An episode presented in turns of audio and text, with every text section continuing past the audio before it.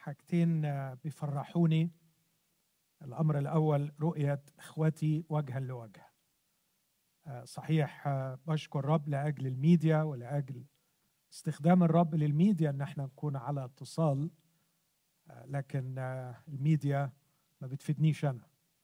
لكن رؤية اخوتي وجها لوجه بتشحنني بتشجيع وطاقة وفرح وتعطيني رغبة آه، لاستمرار الخدمة.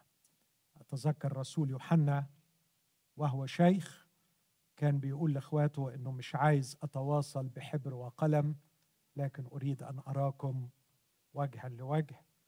وهذه نعمة من نعم الرب على أي خادم بيحب إخواته. فمتشكر وممتن للرب اللي أعطاني هذا الامتياز أن أرى وجوهكم وجها لوجه بعد حوالي 26 سنة. الأمر الثاني اللي بيفرحني وبيشجعني عندما يعني نتقدم في طريق النضوج الروحي ونرتقي فوق الطائفية والحزبية والانتماءات الضيقة. ونعيد من جديد تأكيد أننا جسد واحد وأن الطوائف عمل بشري سوف ينتهي وحتما سوف ينتهي. وفي السماء ستكون عروسه واحدة مدينة واحدة ملك واحد ورأس وعريس واحد.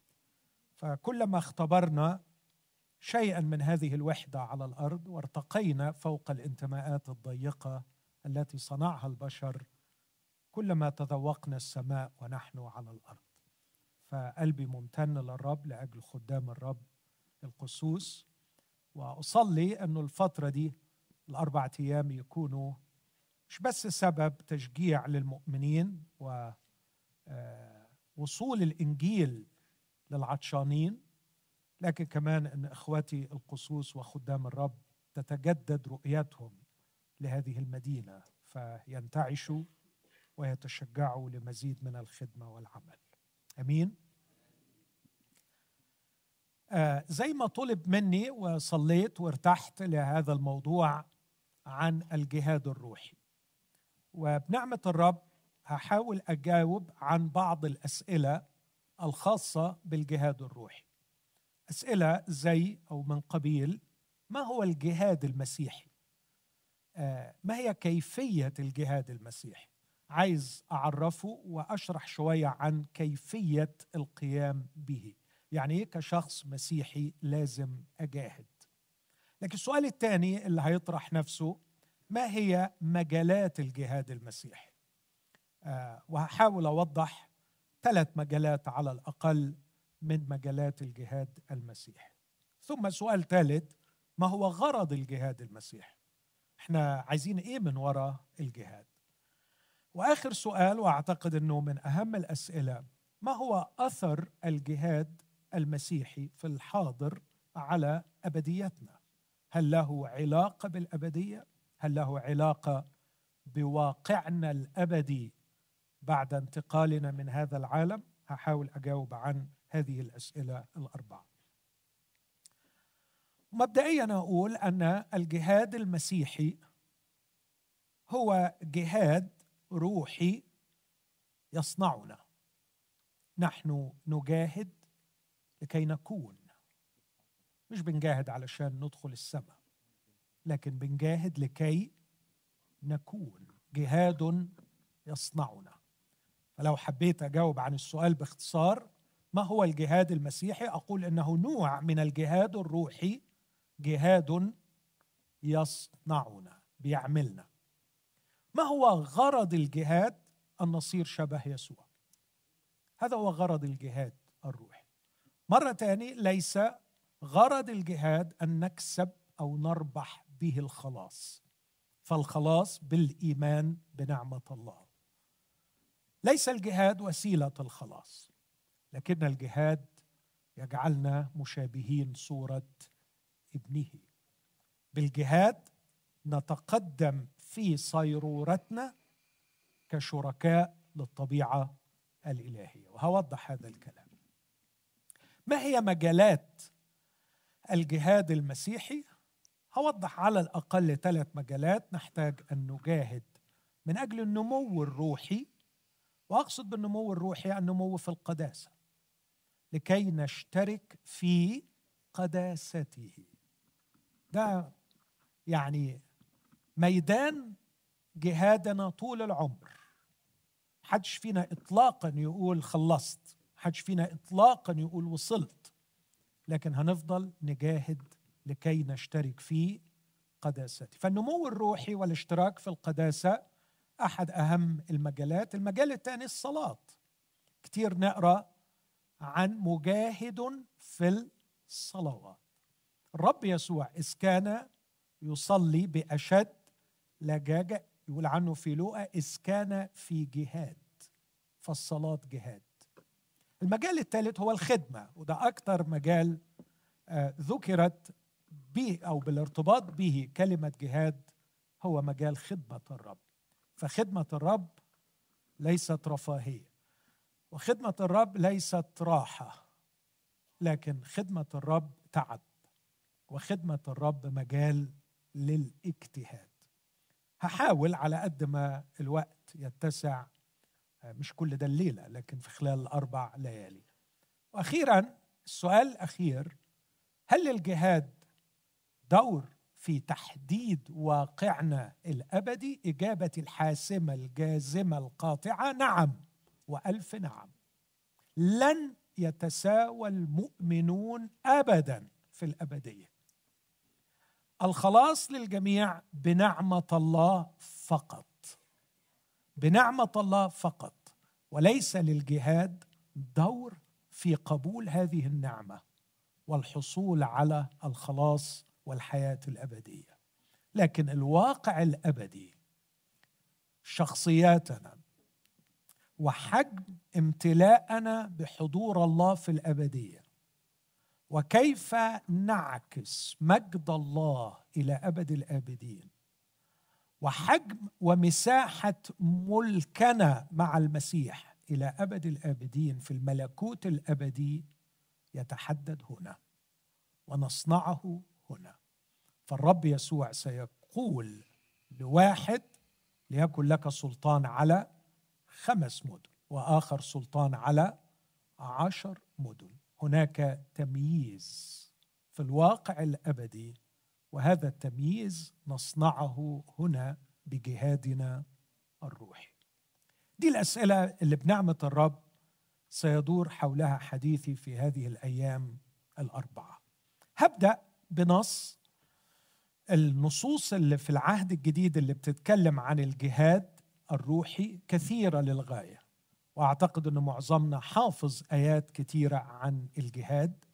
أكيد هنعدي على عدد مش قليل منها أثناء وخلال الأربعة أيام.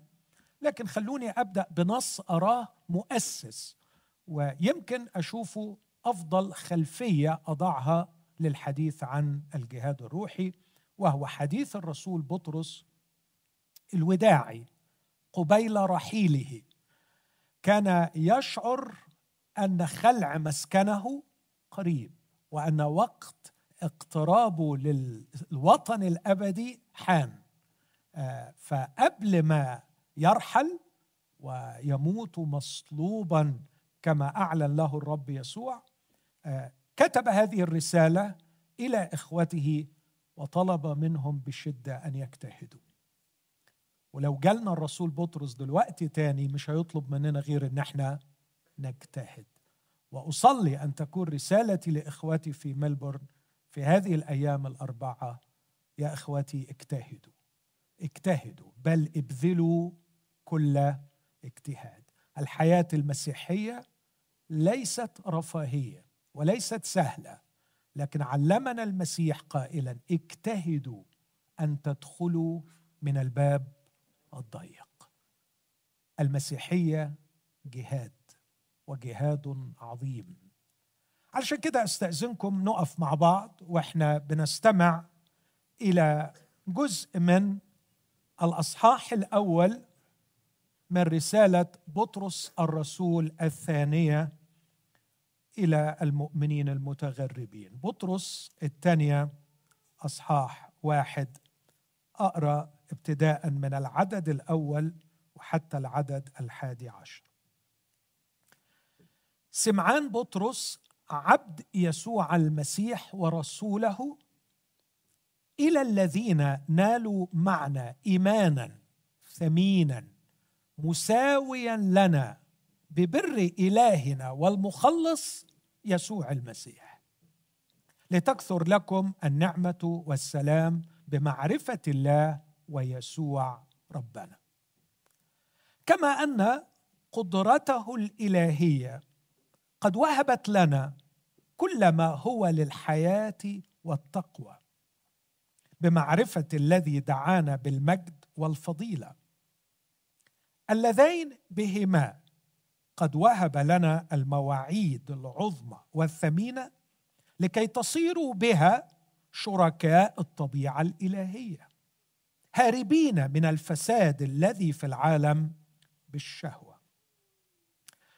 ولهذا عينه وأنتم باذلون كل اجتهاد.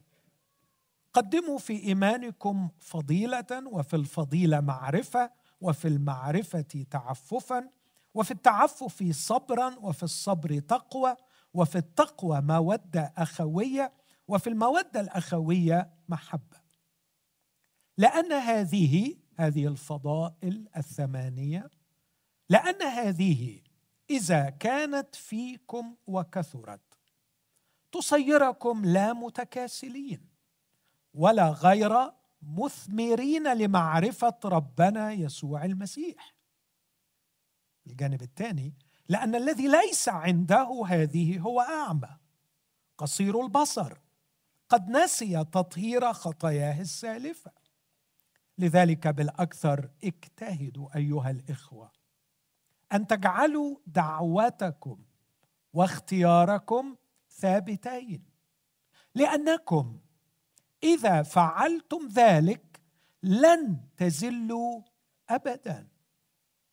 لأنه هكذا يقدم لكم بسعة دخول إلى ملكوت ربنا ومخلصنا يسوع المسيح الأبدي.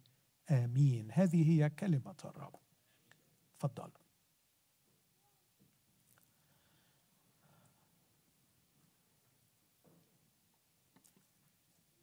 خلوني أبدأ الليلة بمقدمة عن الجهاد. أحاول أضع خلفية وضعها الرسول مش خلفية أنا بخترعها لكن خلفية الرسول وهو يطلب من إخوته أن يجتهدوا وضع خلفية في غاية الأهمية. ربما يجيب من خلالها عن السؤال الأول ما هي طبيعة الجهاد المسيحي؟ ما هي طبيعة الجهاد المسيحي ولماذا نجاهد؟ إيه طبيعة هذا الجهاد؟ وما الذي يشجعنا على أن نجاهد؟ حط الخلفية كالآتي. كتب لإخواته وحابب ان أنا أقول ان إخواته اللي بيكتب لهم دول كانوا متغربين متألمين. هم نفسهم اللي كتب لهم في الرسالة الأولى وقال إنهم مضطهدين يعيشون أحيانا بلوى محرقة حادثة بينهم. آه، أكثر رسالة تكررت فيها كلمة الألم هي بطرس الرسول الأولى 16 مرة فيها كلمة ألم. فناس متألمة ناس متغربة. كلمة متغربين اللي استعملها في اللغة اليونانية هي أقل درجة في المجتمع الروماني. المجتمع الروماني فيه ثلاث نوعيات. في مواطنين هم مش مواطنين ولا دخلاء. وكتير الروح القدس استعمل في سفر الأعمال كلمة دخلاء. الدخلاء على الإمبراطورية الرومانية هم الذين ليسوا من الأصل رومانيين لكن حصلوا على الجنسية حصلوا زي بولس الرسول. يقول عن الجنسية الرومانية أنا ولدت فيها فهو ليس آه، روماني بال بالدم بالعرق لكنه تجنس بالجنسية الرومانية. لكن هناك غرباء مرفوضين مكروهين محتقرين في الإمبراطورية الرومانية. كان هؤلاء المؤمنين غرباء في الإمبراطورية الرومانية يعانون الاحتقار والازدراء في كل أركان الشوارع ومجالات العمل. لكن أضيف إلى هذا الاغتراب المؤلم اغتراب آخر أكثر إلاما أنهم جميعهم من خلفية يهودية وقد قبلوا المسيح فرفضوا أيضا من أهلهم. يعني مرفوضين ومرفوضين من المرفوضين. فحتى عائلاتهم اليهودية نبذتهم لأنهم قبلوا المسيح. فلكم أن تتخيلوا المعاناة التي يعيش فيها شعب الله أو كنيسة الله الذين كتب إليهم الرسول. لكن الحقيقة مش عايز اخذ وقت. آه، أذكر روعة الرسالة الأولى وحجم التشجيعات الرائعة التي شجعهم بها. يبدأ الرسالة بس ويقول لهم مبارك الله متعزي ومتشجع الذي ولدنا ثانية لرجاء حي بقيامة يسوع من الأموات. يسوع قام وعندما قام يسوع كأننا كشعب ولدنا ثانية بإلينا رجاء. تشبه شوية كنا نرجو أنه هو المزمع أن يفدي إسرائيل. ماشيان عابسين. لكن فجأة اقترب إليهما الرب نفسه وكان يمشي معهما. وعرفاه عند كسر الخبز. لو سألت تلميذي عمواس ما هو الفارق بين حالكم قبل اليقين بقيامة المسيح وبعد اليقين بقيامة المسيح؟ ممكن يقول لك كاننا اتولدنا من جديد. إحنا متنا وأمنا. إحنا عشنا دبت فينا الروح. المسيح قام. وأسس دائرة جديدة هي دائرة العهد العهد الأبدي ونحن قد أتينا تحت غطاء دم العهد الأبدي. نعيش في هذه الدائرة. بيشجعهم. وكانوا بيقول لهم سيبكم من الإمبراطورية الرومانية والجنسية الرومانية. أنتوا مش واخدين بالكم أنتوا حصلتوا على إيه في المسيح يسوع؟ لقد أتيتم إلى دائرة دم رش يسوع المسيح الدائرة التي أسسها يسوع المسيح كعائلة لله كبيت لله كشعب الله كونوا أنتم مبنيين حجارة حية بيتا روحيا. نقلة عظيمة في الواقع الروحي ترتقي فوق معاناة الواقع المادي الواقع الأرضي الواقع العالمي. كتب الرسالة دي لكن غالبا بعد أربع أو خمس سنين عندما شعر بدنو الاجل والاستشهاد كتب الرسالة الثانية لكي يشجعهم بهذه الكلمات. فبيقول لهم ودي يعني كانت إشارة غريبة هنعرف سببها.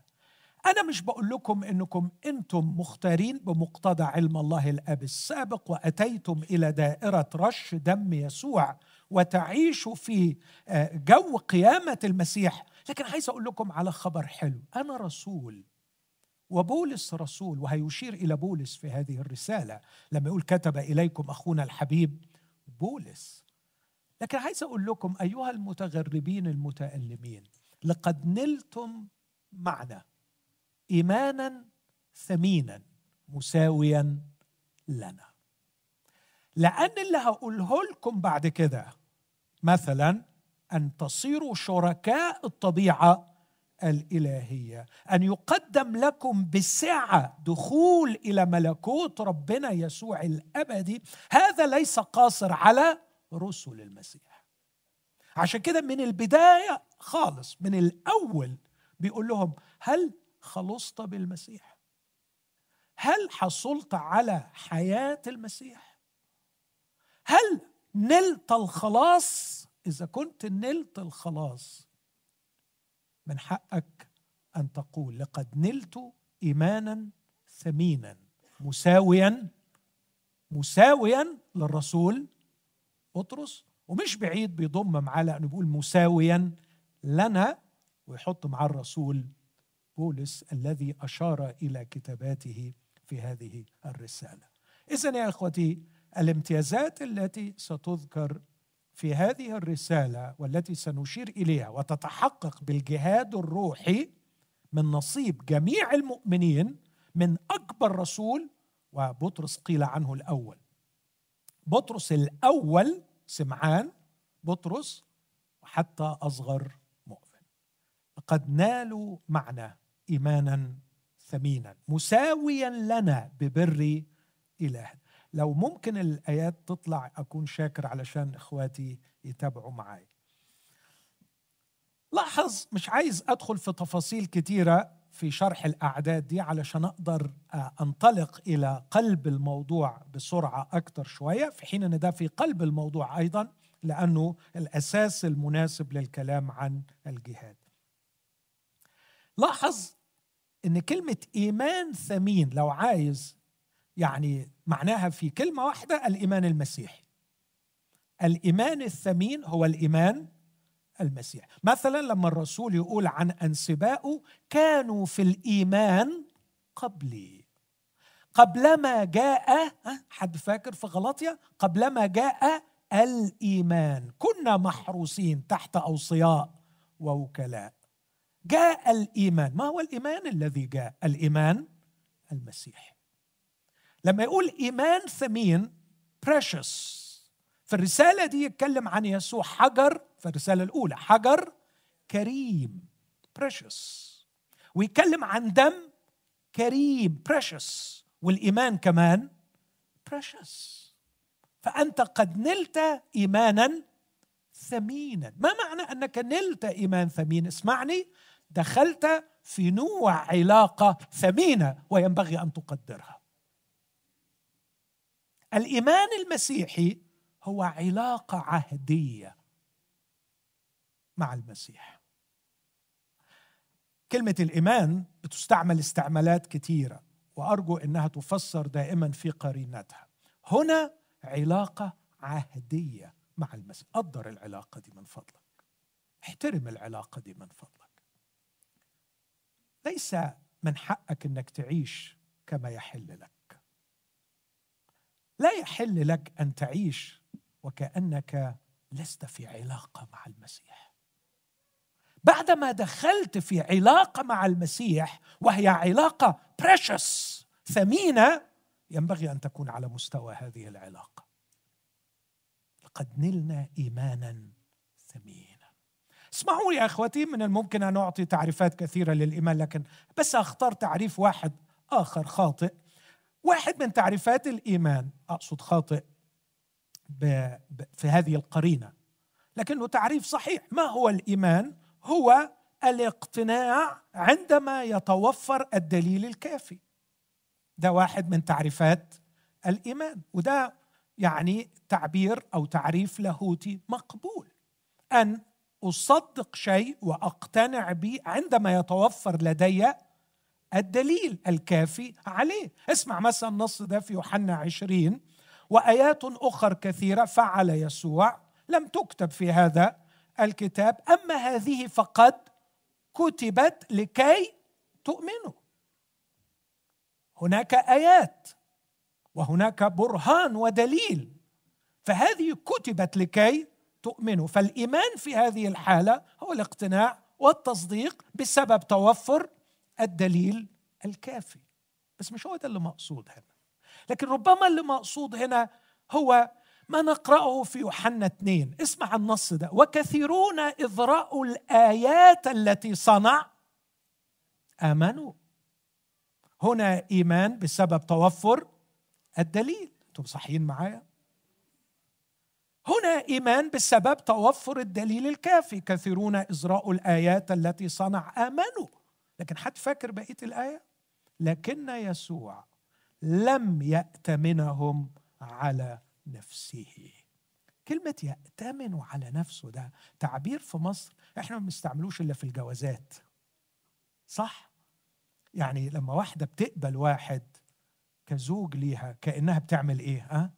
تأتمنه على علاقة عهدية علاقة حب وفاء أمانة عهد هذا هو الإيمان الثمين. لقد دخلنا في علاقة عهدية مع المسيح. وعندما نكسر الخبز ونشرب الكأس هذه الكأس يقول لنا المسيح في كل مرة نشرب الكأس هذه الكأس هي العهد الجديد بدمه في عهد في عهد. إخوتي الأحباء الخطية في حياة المؤمن أرجوك ما تدهاش تعريف من عندك هي خيانة للعهد. الخطية خيانة. أرجوك عرف الخطية هذا التعريف علشان تحمي نفسك. وعلى فكرة مأساة العالم هي التعريفات الخاطئة. وشغل إبليس كله أن يعطي تعريفات خاطئة. عايز تمشي صح ابدأ بالتعريفات الصح. خطيه خيانة. خيانة للعهد. وعشان كده عندما نقترب إلى صورة وتذكار العهد ليمتحن الإنسان نفسه. تدخل أنت بتؤكد العلاقة العهدية. وافتكروا يا إخوتي الأحباء إنه المشهد اللي رسم فيه هذا الطقس طقس العهد هو المشهد اللي وضحت فيه الخيانة. كان في خيانة في هذه الليلة. واحد منكم يسلمني الخائن. والخائن هو الذي لا يقبل العلاقة العهدية لا يقبل هذه المحبة. هو مرتبط شكليا لكنه لم يدخل في هذه العلاقة العهدية. فغمس اللقمة وأعطاه في فمه. ودي كانت عادة لهذا المجتمع. إني أريد أن أقطع معك العهد وأريد أن أكون وفيا لك وأعلن حبي لك لعلك تقبل. فأخذ اللقمه ورفصه من الخلف. عشان كده يقول آكل خبزي رفع علي عقبه. رفصني. لقد نلت يا أختي ونلت يا أخي وأقول لنفسي نلت يا نفسي إيمانا ثمينا. قد دخلت في علاقة ثمينة احترميها وقدريها. وعيشي على مستوى العلاقة التي أكرمك الله بها.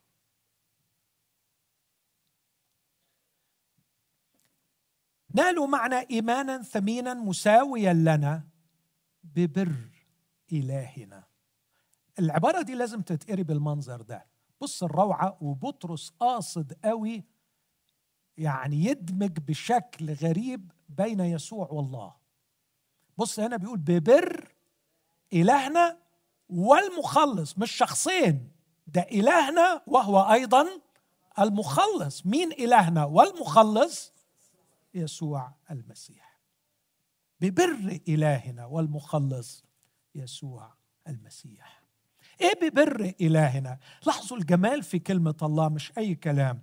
بولس يتكلم عن نوال البر بالإيمان بطرس يتكلم عن نوال الإيمان بالبر. نالوا معنا إيمانا ثمينا مساويا لنا بإيه؟ على أساس إيه؟ إيه اللي جاب لنا الإيمان؟ بر إلهنا. بينما بولس يتكلم دائما عن نوال البر بالإيمان. إيه بر إلهنا؟ بر إلهنا الصادق العادل اللي ما بيكذبش اللي وعدنا إنه هيبعت المخلص وقال لنا في إشاعة 53 وعبدي البار بمعرفته يبرر كثيرين وأثامهم هو يحمل لقد وعد ووفى وأرسل المخلص وبسبب وجود المخلص دخلنا في هذه العلاقة. هو حمل خطية كثيرين وشفع في المذنبين. فأوجد لنفسه شعبا خاصا غيورا في أعمال حسنة. لقد نلنا هذا الإيمان الثمين على أساس صدق الله وإتمامه لوعده على مدار آلاف السنين أو مئات السنين على مدار 39 سفر موحى بها. كان الله يعد بأنه سيقيم هذه العلاقة العهدية. وقد وفى. وقد وفى. صار المسيح خادما للختان من أجل صدق الله. لقد وعد ووفى. فبر الله أعطانا هذا الإيمان الثمين. لكن اسمع النص اللي بعده. ما أغبطني لأن إلهي بار وعندما وعد وفى. لكن إلهي مش بس بار إلهي قدير. عشان كده يقول كما أن كما أن قدرته الإلهية قد وهبت لنا. لاحظ نلنا ووهب لنا. عطيتين واخدينها. نلنا الإيمان بالبر.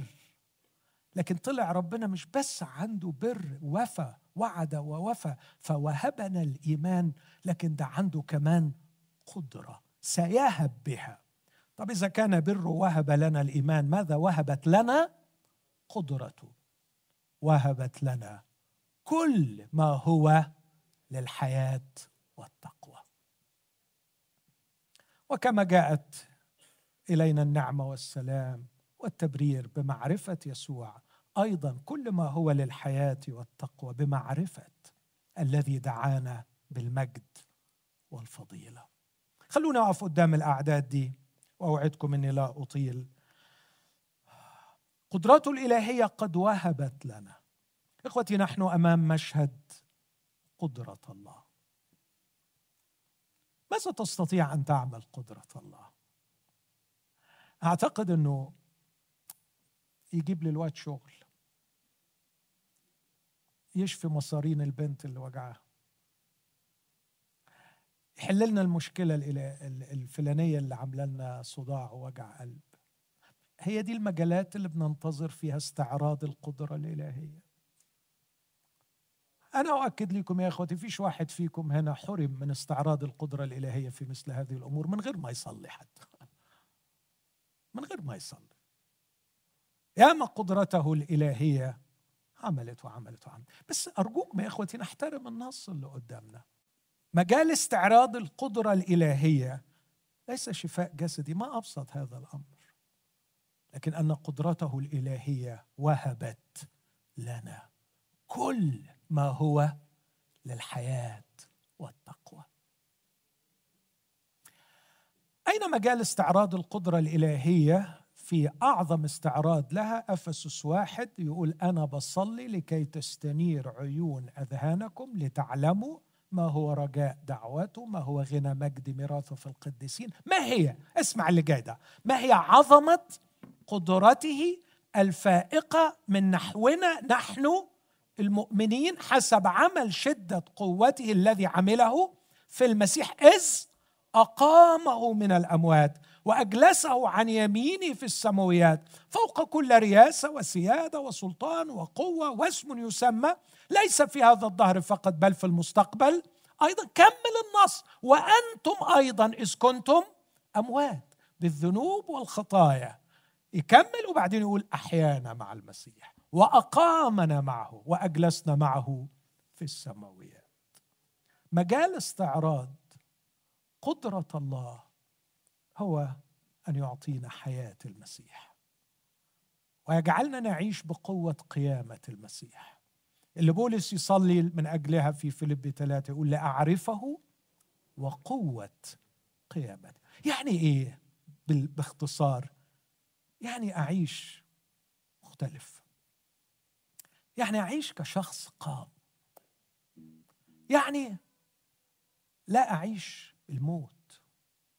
لا أتكلم الموت. لا أفكر بالموت. لكن أعيش كشخص قام مع المسيح. قد خرجت من دائرة الموت. دائرة الفساد. دائرة الظلمة. دائرة البغضة. هذا العالم الذي يسود فيه إبليس وتملك فيه الخطية هو عالم الموت. لقد خرجت من هذا العالم. وانتقلت إلى الحياة.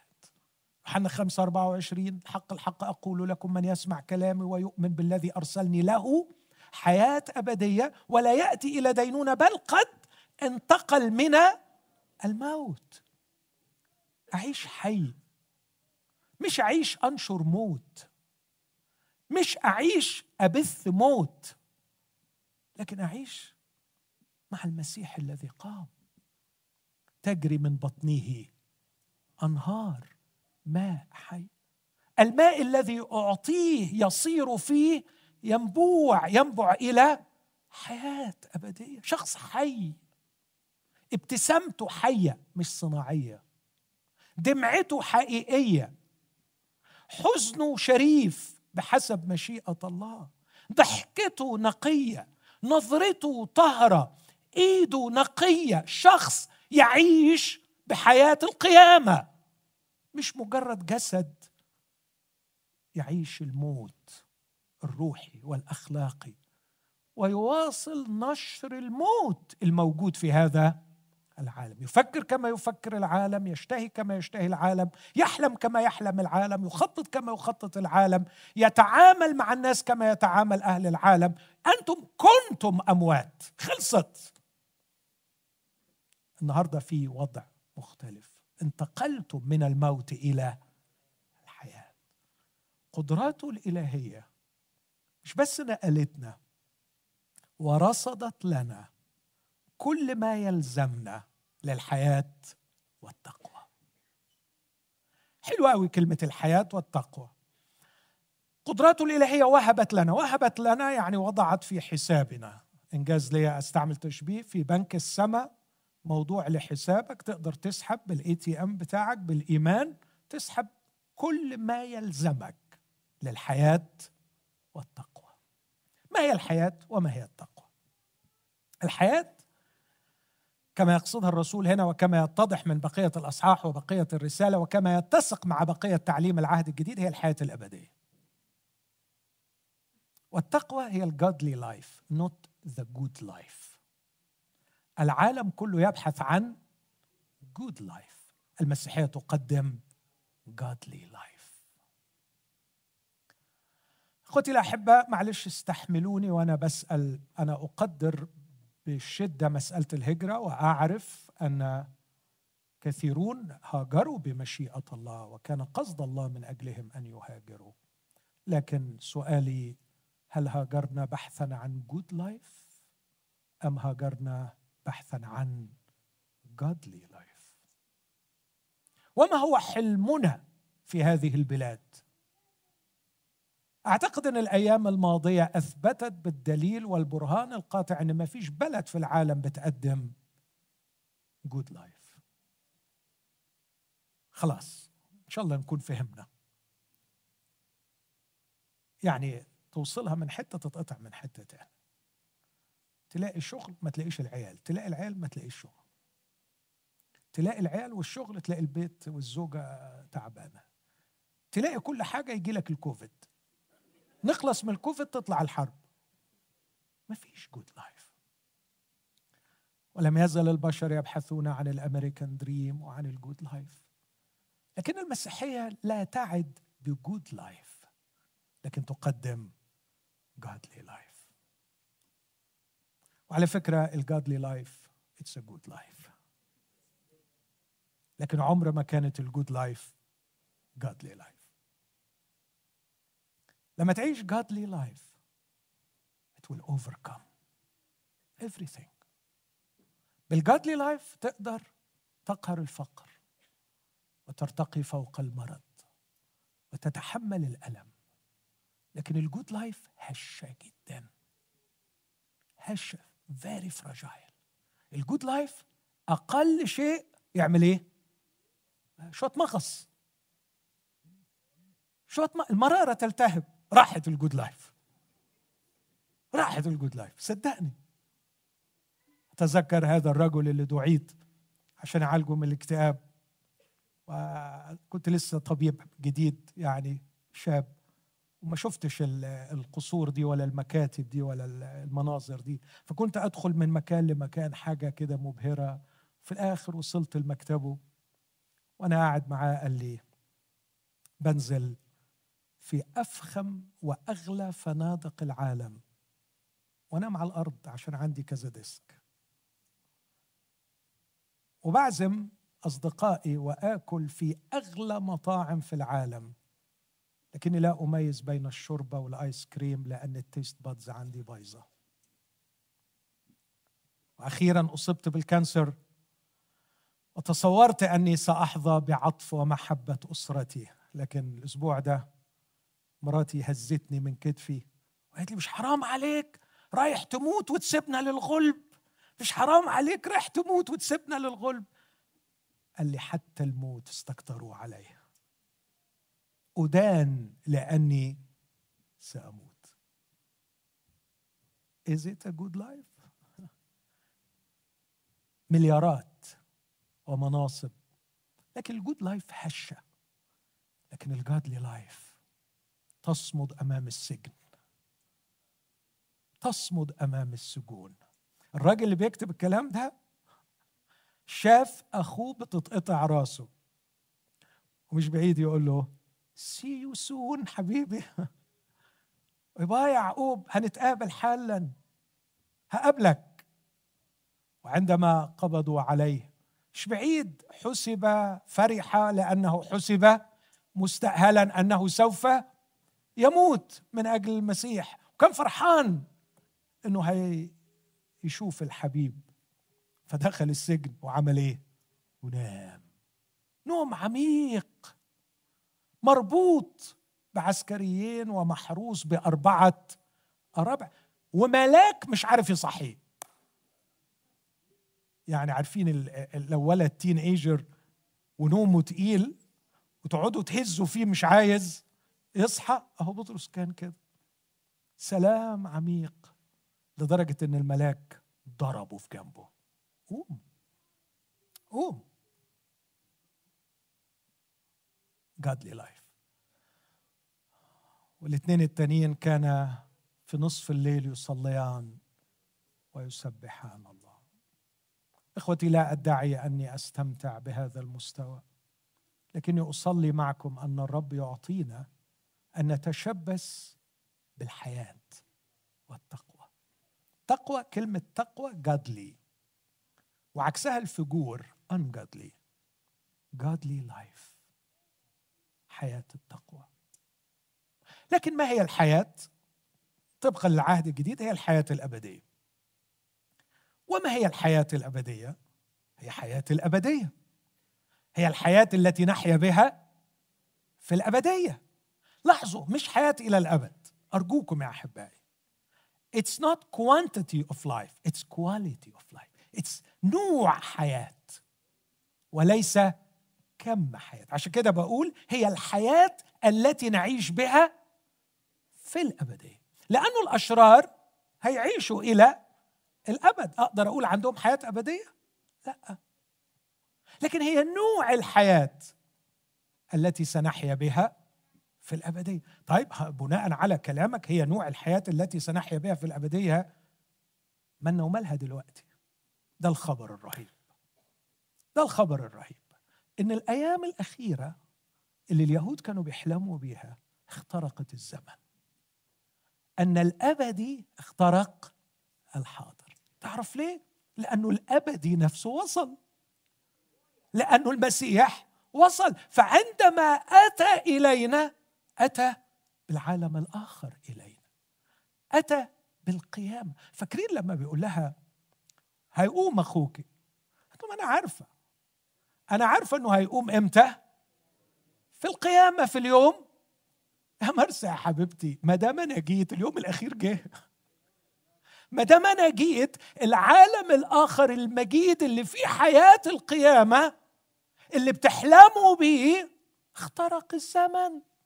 وتقدري تعيشي القيامة من دلوقتي. إخوتي إحنا مش هنروح السماء ونعمل off وبعدين on بنوع حياة جديد. No. وده اللي هيؤسس للكلام اللي هقوله إن الجهاد بتاعنا بيحدد حجم ومساحة وجودنا الأبدي. لأن نوع الحياة التي سنحيا بها في الأبدية لقد امتلكناها من الآن. بتمارسها قد إيه؟ بتعيش مسيحي قد إيه؟ وآدمي قد إيه؟ أنت اللي ليك القرار. قدراته الإلهية وهبت لنا كل ما هو للحياة الأبدية وكل ما هو للتقوى. يعني مصادر الله مخازن الله مملوءة بالإمكانيات الأرصدة يمكنك أن تسحب منها لكي تعيش نفس نوع الحياة التي ستعيش بها في الأبدية ولكي تعيش الجادلي لايف not just good life. هذا ما وهبته لنا قدرة الله. بره عمل في الصليب عملا عظيما. وعد ووفى فأسس لنا دائرة الإيمان الثمين. دخلنا للعلاقة بالبر. والقدرة وهبت لنا كل ما هو للحياة الأبدية وكل ما هو للتقوى للجادلي لايف اسمع بقى. اللذين بهما. المثنى هنا تعود على البر وعلى القدرة. فبر وهب وقدرته أيضا وهبت وبالبر والقدرة صارت لنا كل المواعيد العظمى وال لاحظ بقى جمع أنت بقى. الإيمان إيمان ثمين والدم دم ثمين والحجر حجر ثمين والمواعيد نفسها ثمينه وهب لنا المواعيد العظمى والثمينه لكي تصيروا بها أغنياء. لكي تصيروا بها خير أمة أخرجت للناس. لكي تصيروا بها أفضل بشر. لكي تصيروا بها أجدع طائفة. لكي تصيروا بها يا إلهي. أنا لا أعرف كيف جرؤ بطرس ولو لم يكن مسوقا من الروح القدس لكان ما يكتبه كفرا. اسمع الجرأة اسمع الجرأة والترجمة دقيقة. مواعيد العظمى والثمينة لكي تصيروا بها. رأسا لا ذنب. لا لا لا لا. ده ممكن مواعيد الله لشعب إسرائيل زمان. تكون مستعليا على كل قبائل مش هو ده لكي تصيروا بها شركاء الطبيعة الإلهية. شيء مخيف يا أحبائي. صار إنسانا لكي يرفعنا. مشابهين صورة ابنه. أخوتنا وأبائنا الشرقيين كتبوا كتير قوي زمان عن ما يسمى theosis في اللاهوت المسيحي أو ال deification. يسموها عقيدة التأله. وإحنا عندنا حساسية في الكلام عنها لأننا نعيش في مجتمعات الكلمة ممكن تتفهم غلط فما بنستعملهاش. وبالطبع لما نقول عقيدة التاله في مفهومها الصحيح لا نقصد ابدا مشاركة لله في جوهره. حاشا مش إنك تنضم للثالوث الأقدس لكن شركاء الطبيعة الإلهية بمعنى خاص. أعتقد إنه يمكن أن أصوره بعجزي وقصوري كالآتي. المشاركة مع الله في الطاقات الأدبية والروحية التي تمكننا من الشركة الكامله معه كأبنائه. نوع يا إخوتي من الشراكة مع الله في طبيعة معينة. مش أخلاقيات. مش مجرد أخلاقيات. لكن تغيير في جوهرنا البشري يظل بشري لكن يرتقي في بشريته ليكون ابنا لله. مشابهين صورة ابنه. مشابهين صورة المسيح في أخلاقه يعني؟ لا يا اخوه ده إحنا حتى هنشبهه في جسده. يقول نحن الآن أولاد الله ولم يظهر بعد ماذا سنكون لكن نعلم أنه إذا أظهر نكون مثله. اسمع اللي بعدها أخطر لأننا سنراه كما هو. دي ما يقدرش عليها ملاك. طبيعة الملاك لا تتحمل أن تراه كما هو.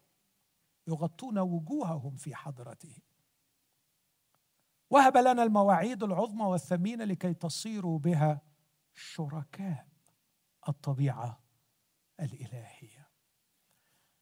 واحدة من الحاجات اللي أحيانا يعني تزعلني في الترجمة العربية مع كل احترامي ليها ترجمة مقدمة أفسس اختارنا فيه قبل تأسيس العالم لكي نكون قديسين.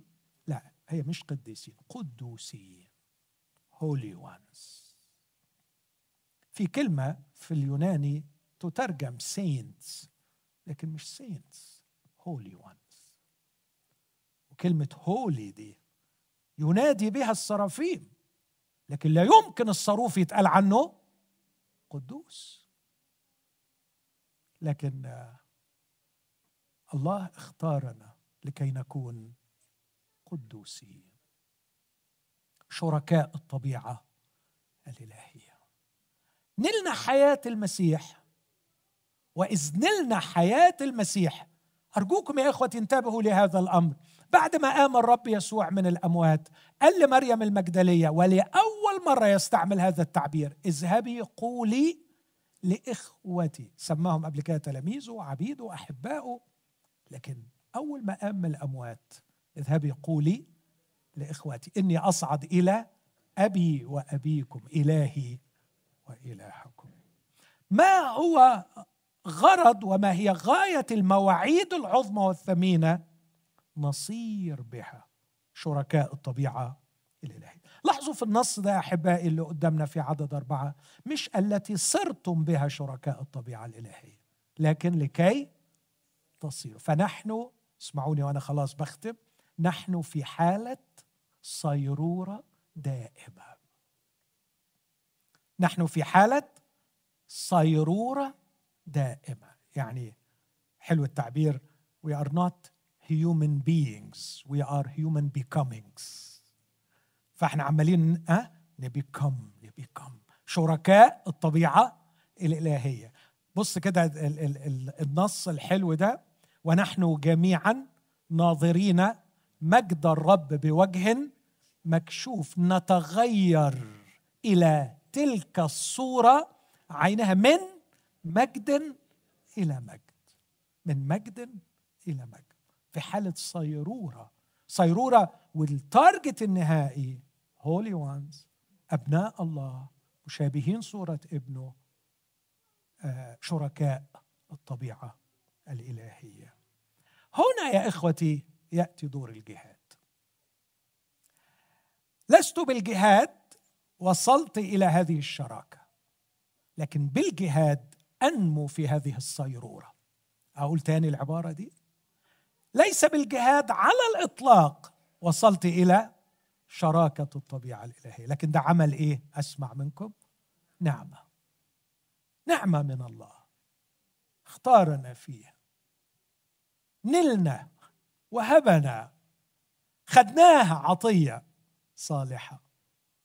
لكن النمو في الصيرورة يستلزم الجهاد. وعلى فكرة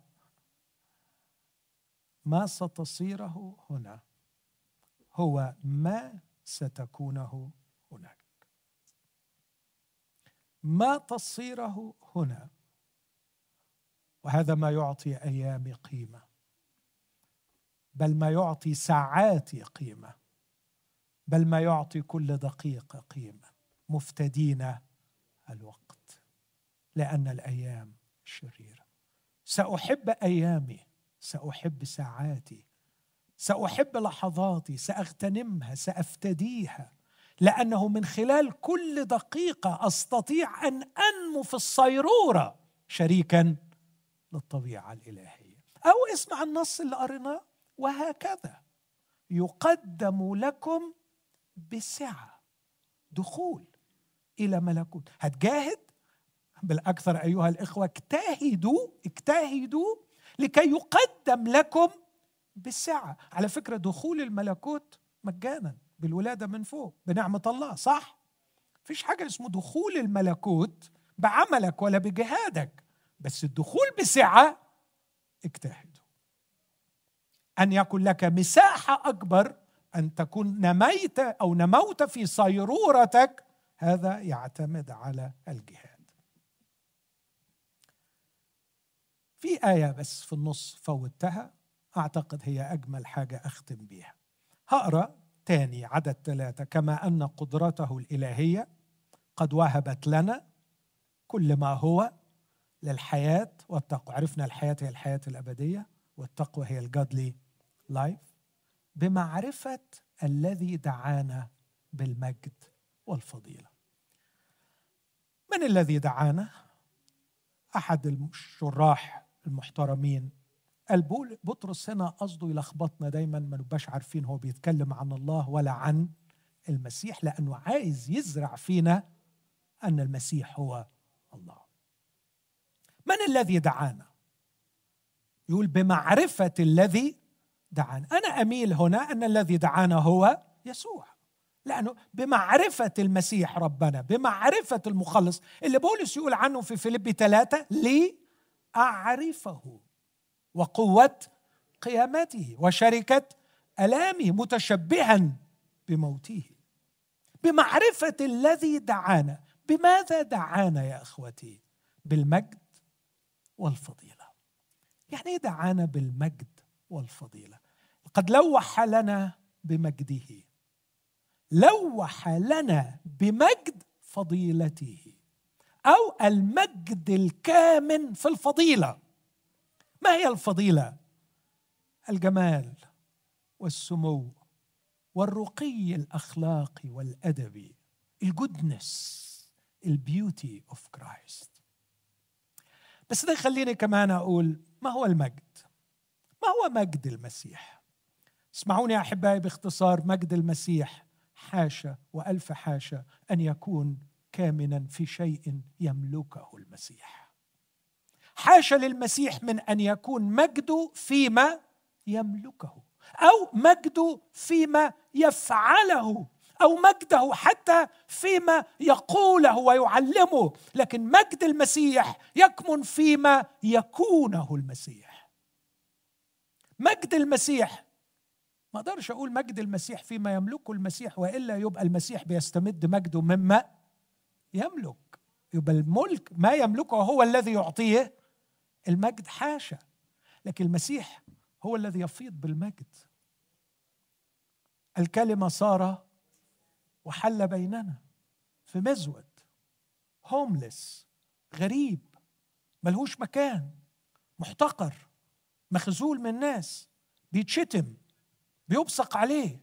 بس تعرف يوحنا بيقول وهو في الوضع ده رأينا مجده. لم نرى البصاق على وجهه. لم نرى البصاق على وجهه. لكن رأينا مجد الله الله الذي قال أن يشرق نور من ظلمة. أشرق في قلوبنا. لإنارة معرفة مجد الله في وجه في وجه يسوع. رأينا مجده. مجدا إخوتي الأحباء مجد يسوع فيما يكونه يسوع.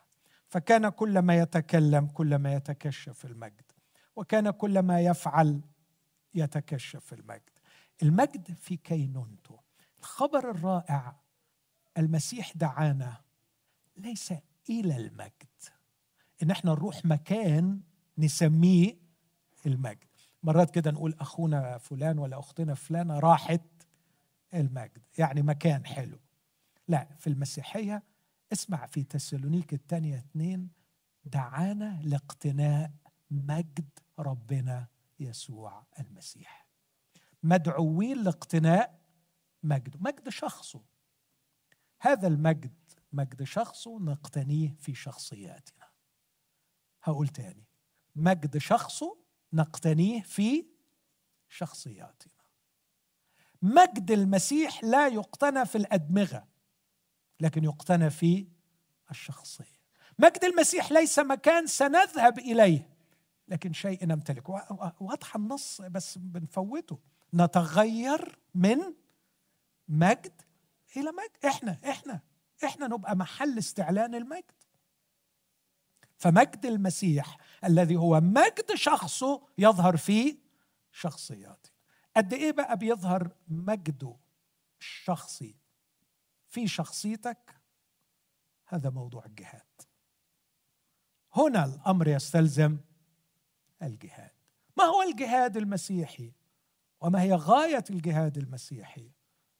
هو أن نتشارك في الطبيعة الإلهية ونقتني مجد ربنا يسوع في شخصياتنا.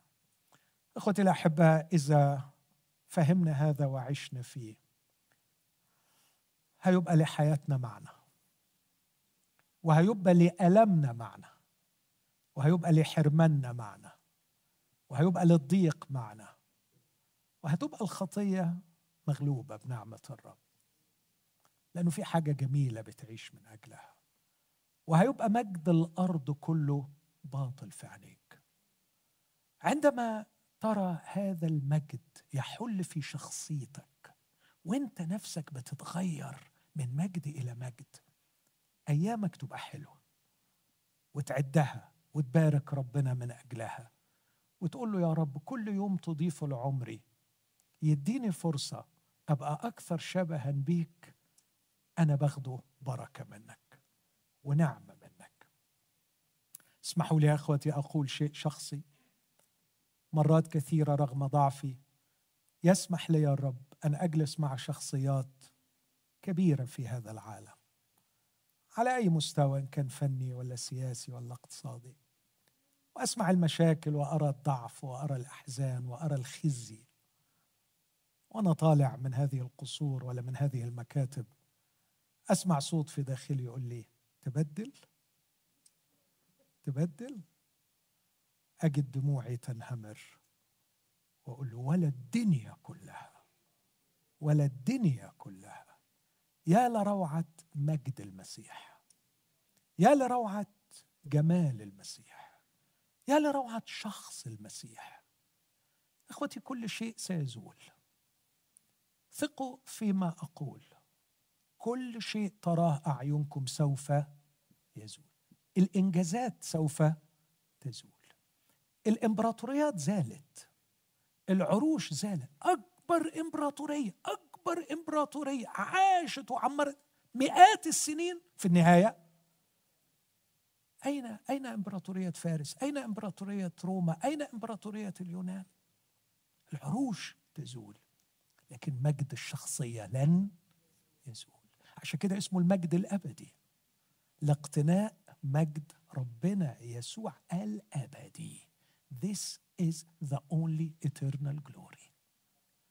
والباقي كله زائل. ما تكونه هو ما ستكونه إلى أبد الآبدين. ما تملكه سوف يزول. ما تفعله سوف يتوقف. في لحظة الموت الإنجازات كلها راحت والمعرفة كلها راحت. ما سيبقى إلى أبد الآبدين هو ما تكونه هو ما تكونه هقولها مرة ثالثة هو ما تكونه. وأنت شريك في صناعة نفسك. أرجو أن الرب يعطينا نعمة وفهم لكي نشتهي هذا النوع من المجد. لما هتكلم عن الجهاد وهبين قد إيه الجهاد جميل ومتعب عارف إن في عوائق تمنعنا عن الاجتهاد أتكلم عنها بكرة إن شاء الرب وعشنا لكن أستأذنكم نقف مع بعض دلوقتي في لحظات وإحنا مع أخونا سامح بنرنم حاول تتنقل من الحتة اللي أنت واقف فيها إلى المكان الصحيح لك كمسيحي.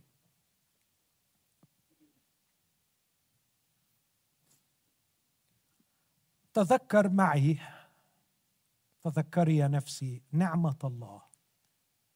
التي أخذتك من مكان الموت وأتت بك إلى دائرة الحياة. تذكري يا نفسي تذكري ماضيك وأنت مرفوضة في خزي وعار الخطية خجلانة مطروحة بكراهة نفسك. وانظري كيف صرت في العهد. في علاقة عهدية مرشوشة بالدم. إخوتي دعونا نتذكر أين كنا وأين صرنا وكيف انتقلنا. انتقلنا من الموت إلى الحياة. ردد هذه العبارات في قلبك. نلنا إيمانا ثمينا ببر إلهنا. نصير شركاء الطبيعة الإلهية. دعانا بالمجد والفضيلة. لم يغرنا بجنة أو بسماء. لم يدعونا إلى جنة أو سماء. لكن دعانا إلى مجده الشخصي. الأريتي اللي تكلم عنها سقراط وأرسطو حلموا بيها. أين الفضيلة في هذا العالم؟ ظهرت في يسوع المسيح. الإنسان الكامل كامل الجمال. هل يا رب تدعوني أن أكون جميلا كيسوع؟ هل تدعوني أن أكون glorious being زي يسوع؟ هل تدعوني أن أصير مثمرا نافعا كيسوع؟ هذه دعوة الله. لنا أعترف يا نفسي بخزي وخجل أمام الرب بكسلك. كسلك في السعي والرقد في شراكة الطبيعة الإلهية. سامحني يا سيدي دعوتني لأشرف شيء. أن أشاركك طبيعتك. أردت أن ترتقي بي فوق الخنازير والعيش معهم والأكل من خرنوبهم. أردت أن تأتي بي إلى مائدتك. تطعمني طعامك تشبعني بما يشبعك. تشركني في خاتمك فأعمل مشيئتك. تلبسني حلتك. فأنوب عنك وأمثلك. أعيش كريما عاليا راقيا. كابنك يسوع. اغفر خطيتي لأني لم أدرك كم هي عظيمة نعمتك. من أنا لاصير من شعبك. خلونا نرنم الترنيمة دي مع سامة من لأصير من شعبك من دعي عليهم اسمك. عجبا. عجبا هل دعوتني أنا لأكون ملكا لك. مرتين. من أنا؟ من أنا لأصير من شعبك من دعي عليه اسمك عجبا هل دعوتني أنا لأكون ملكا لك؟ هل لغريب لضال أثيم أن ينتمي للمهين عرفتني كم أنك رحيم إذ غرستني في كرمتي مبارك اسم الرب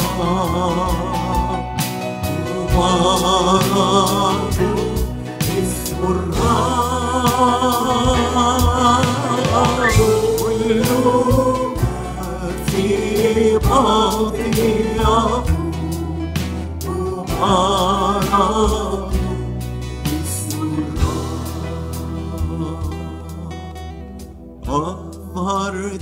لي عظيم رحمتك بسفك ماء الحنان. حبك يفوق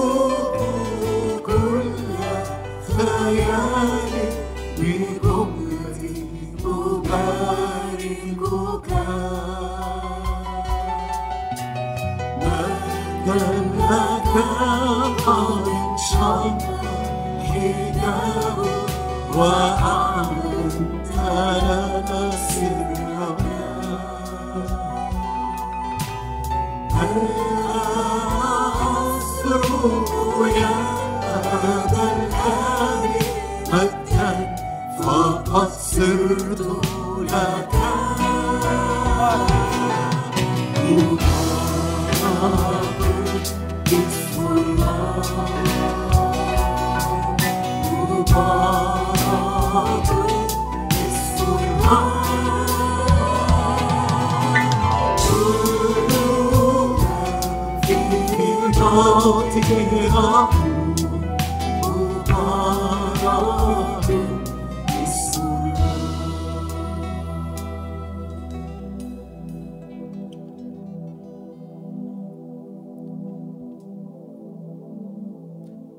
صلي معايا. إنه من الليلة دي يكون في وضع مختلف. إذا كنت تشعر بالموت. وأن الحياة ليس لها معنى ولا قيمة ولا غرض. اخرج من الموت واقبل الحياة. الرب يدعوك للحياة. الرب يدعوك للحياة. توجد دائرة فيها حياة. أسسها المسيح يسوع بقيامته من الموت. نحن نؤمن بالمسيح الذي قام. المسيح قام أحبائي. ولأن المسيح قام توجد حياة الآن. قرار قرارك قرار قرارك. اخرج من الموت. واقبل الحياة.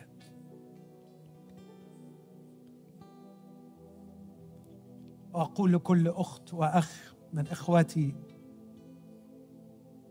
انتقلنا إلى الحياة لكن للأسف نعيش موتنا في داخل دائرة الحياة. أرفض الموت. هاربين من الفساد الذي في العالم بالشهوة. قل له يا رب أنا مش هقبل إن تكون أيامي ضدي. مش هقبل إن أيامي تكون عليا لكن عايز أيامي تكون ليا. أمتلك أيامي. آخذ اليوم ويبقى بتاعي تبعي أعيشه. أتغير فيه. لأن قدرته الإلهية قد وهبت لنا كل ما هو للحياة والتقوى هاخد من رصيدي هاخد من حسابي. اللي انت فتحته لي. علشان أعيش godly life. أحمل حضورك حيثما أذهب. أنشر عبيرك بين الناس. أصير شجرة مثمرة يقطف منها كل جائع. تجري من بطنه أنهار ماء حي تبقى نبع خير للي حواليك زي يسوع. تبقى منظر جميل يعكس جمال يسوع. ريحة حلوة لأولادك ريحة حلوة لزملائك بركة لكل من يتعامل معك. هذه دعوة الله أباركك وتكون بركة. إخوتي دعونا لا نحلم بمجد مستقبل لكن دعونا نعيش مجد حاضر الآن. أن نتغير من مجد إلى مجد. دعونا ننسحب من مستقبل نعيش في أحلام. دعونا نعيش هنا والآن حياة يسوع ومجد يسوع.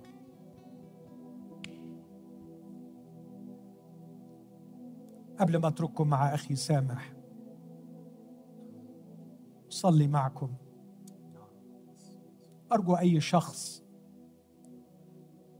غير متأكد أنه نال الحياة في المسيح أو يعلم أنه لم ينل الحياة في المسيح. إذا كان فعلا من قلبه راغب يمكن مش عارف تعبر عن اللي جواك. صلي معي هذه الصلاة. أيها الرب يسوع المخلص افتح قلبي لأستقبل محبتك. عرفت اليوم أنك أحببتني. وأنك مت من أجلي. وأنك دخلت عالمنا لكي تدخلني عالمك وتخرجني من الموت وتدخلني الحياة. أقبل الحياة منك يا سيد. اطلب من الرب هذه الحياة. لا تكتفي بمجرد الشفاء من الشعور بالذنب. قل له ارحمني أنا الخاطي لكن لا تقف عند رحمة الخاطي اطلب الحياة. قال يسوع أتيت لتكون لهم حياة ويكون لهم أفضل. أيها الرب المحب الغني أنت تعرف كل نفس موجودة في هذا المكان. أتضرع إليك أن تلتقي وجها لوجه بكل شخص وان تصل كلماتك إلى كيانها ولا تسمح يا رب أن تقول لنفس واحدة إن كلامي ليس له موضع فيكم. لكن أتضرع إليك أن تسكن كلمتك بغنى في قلوبنا.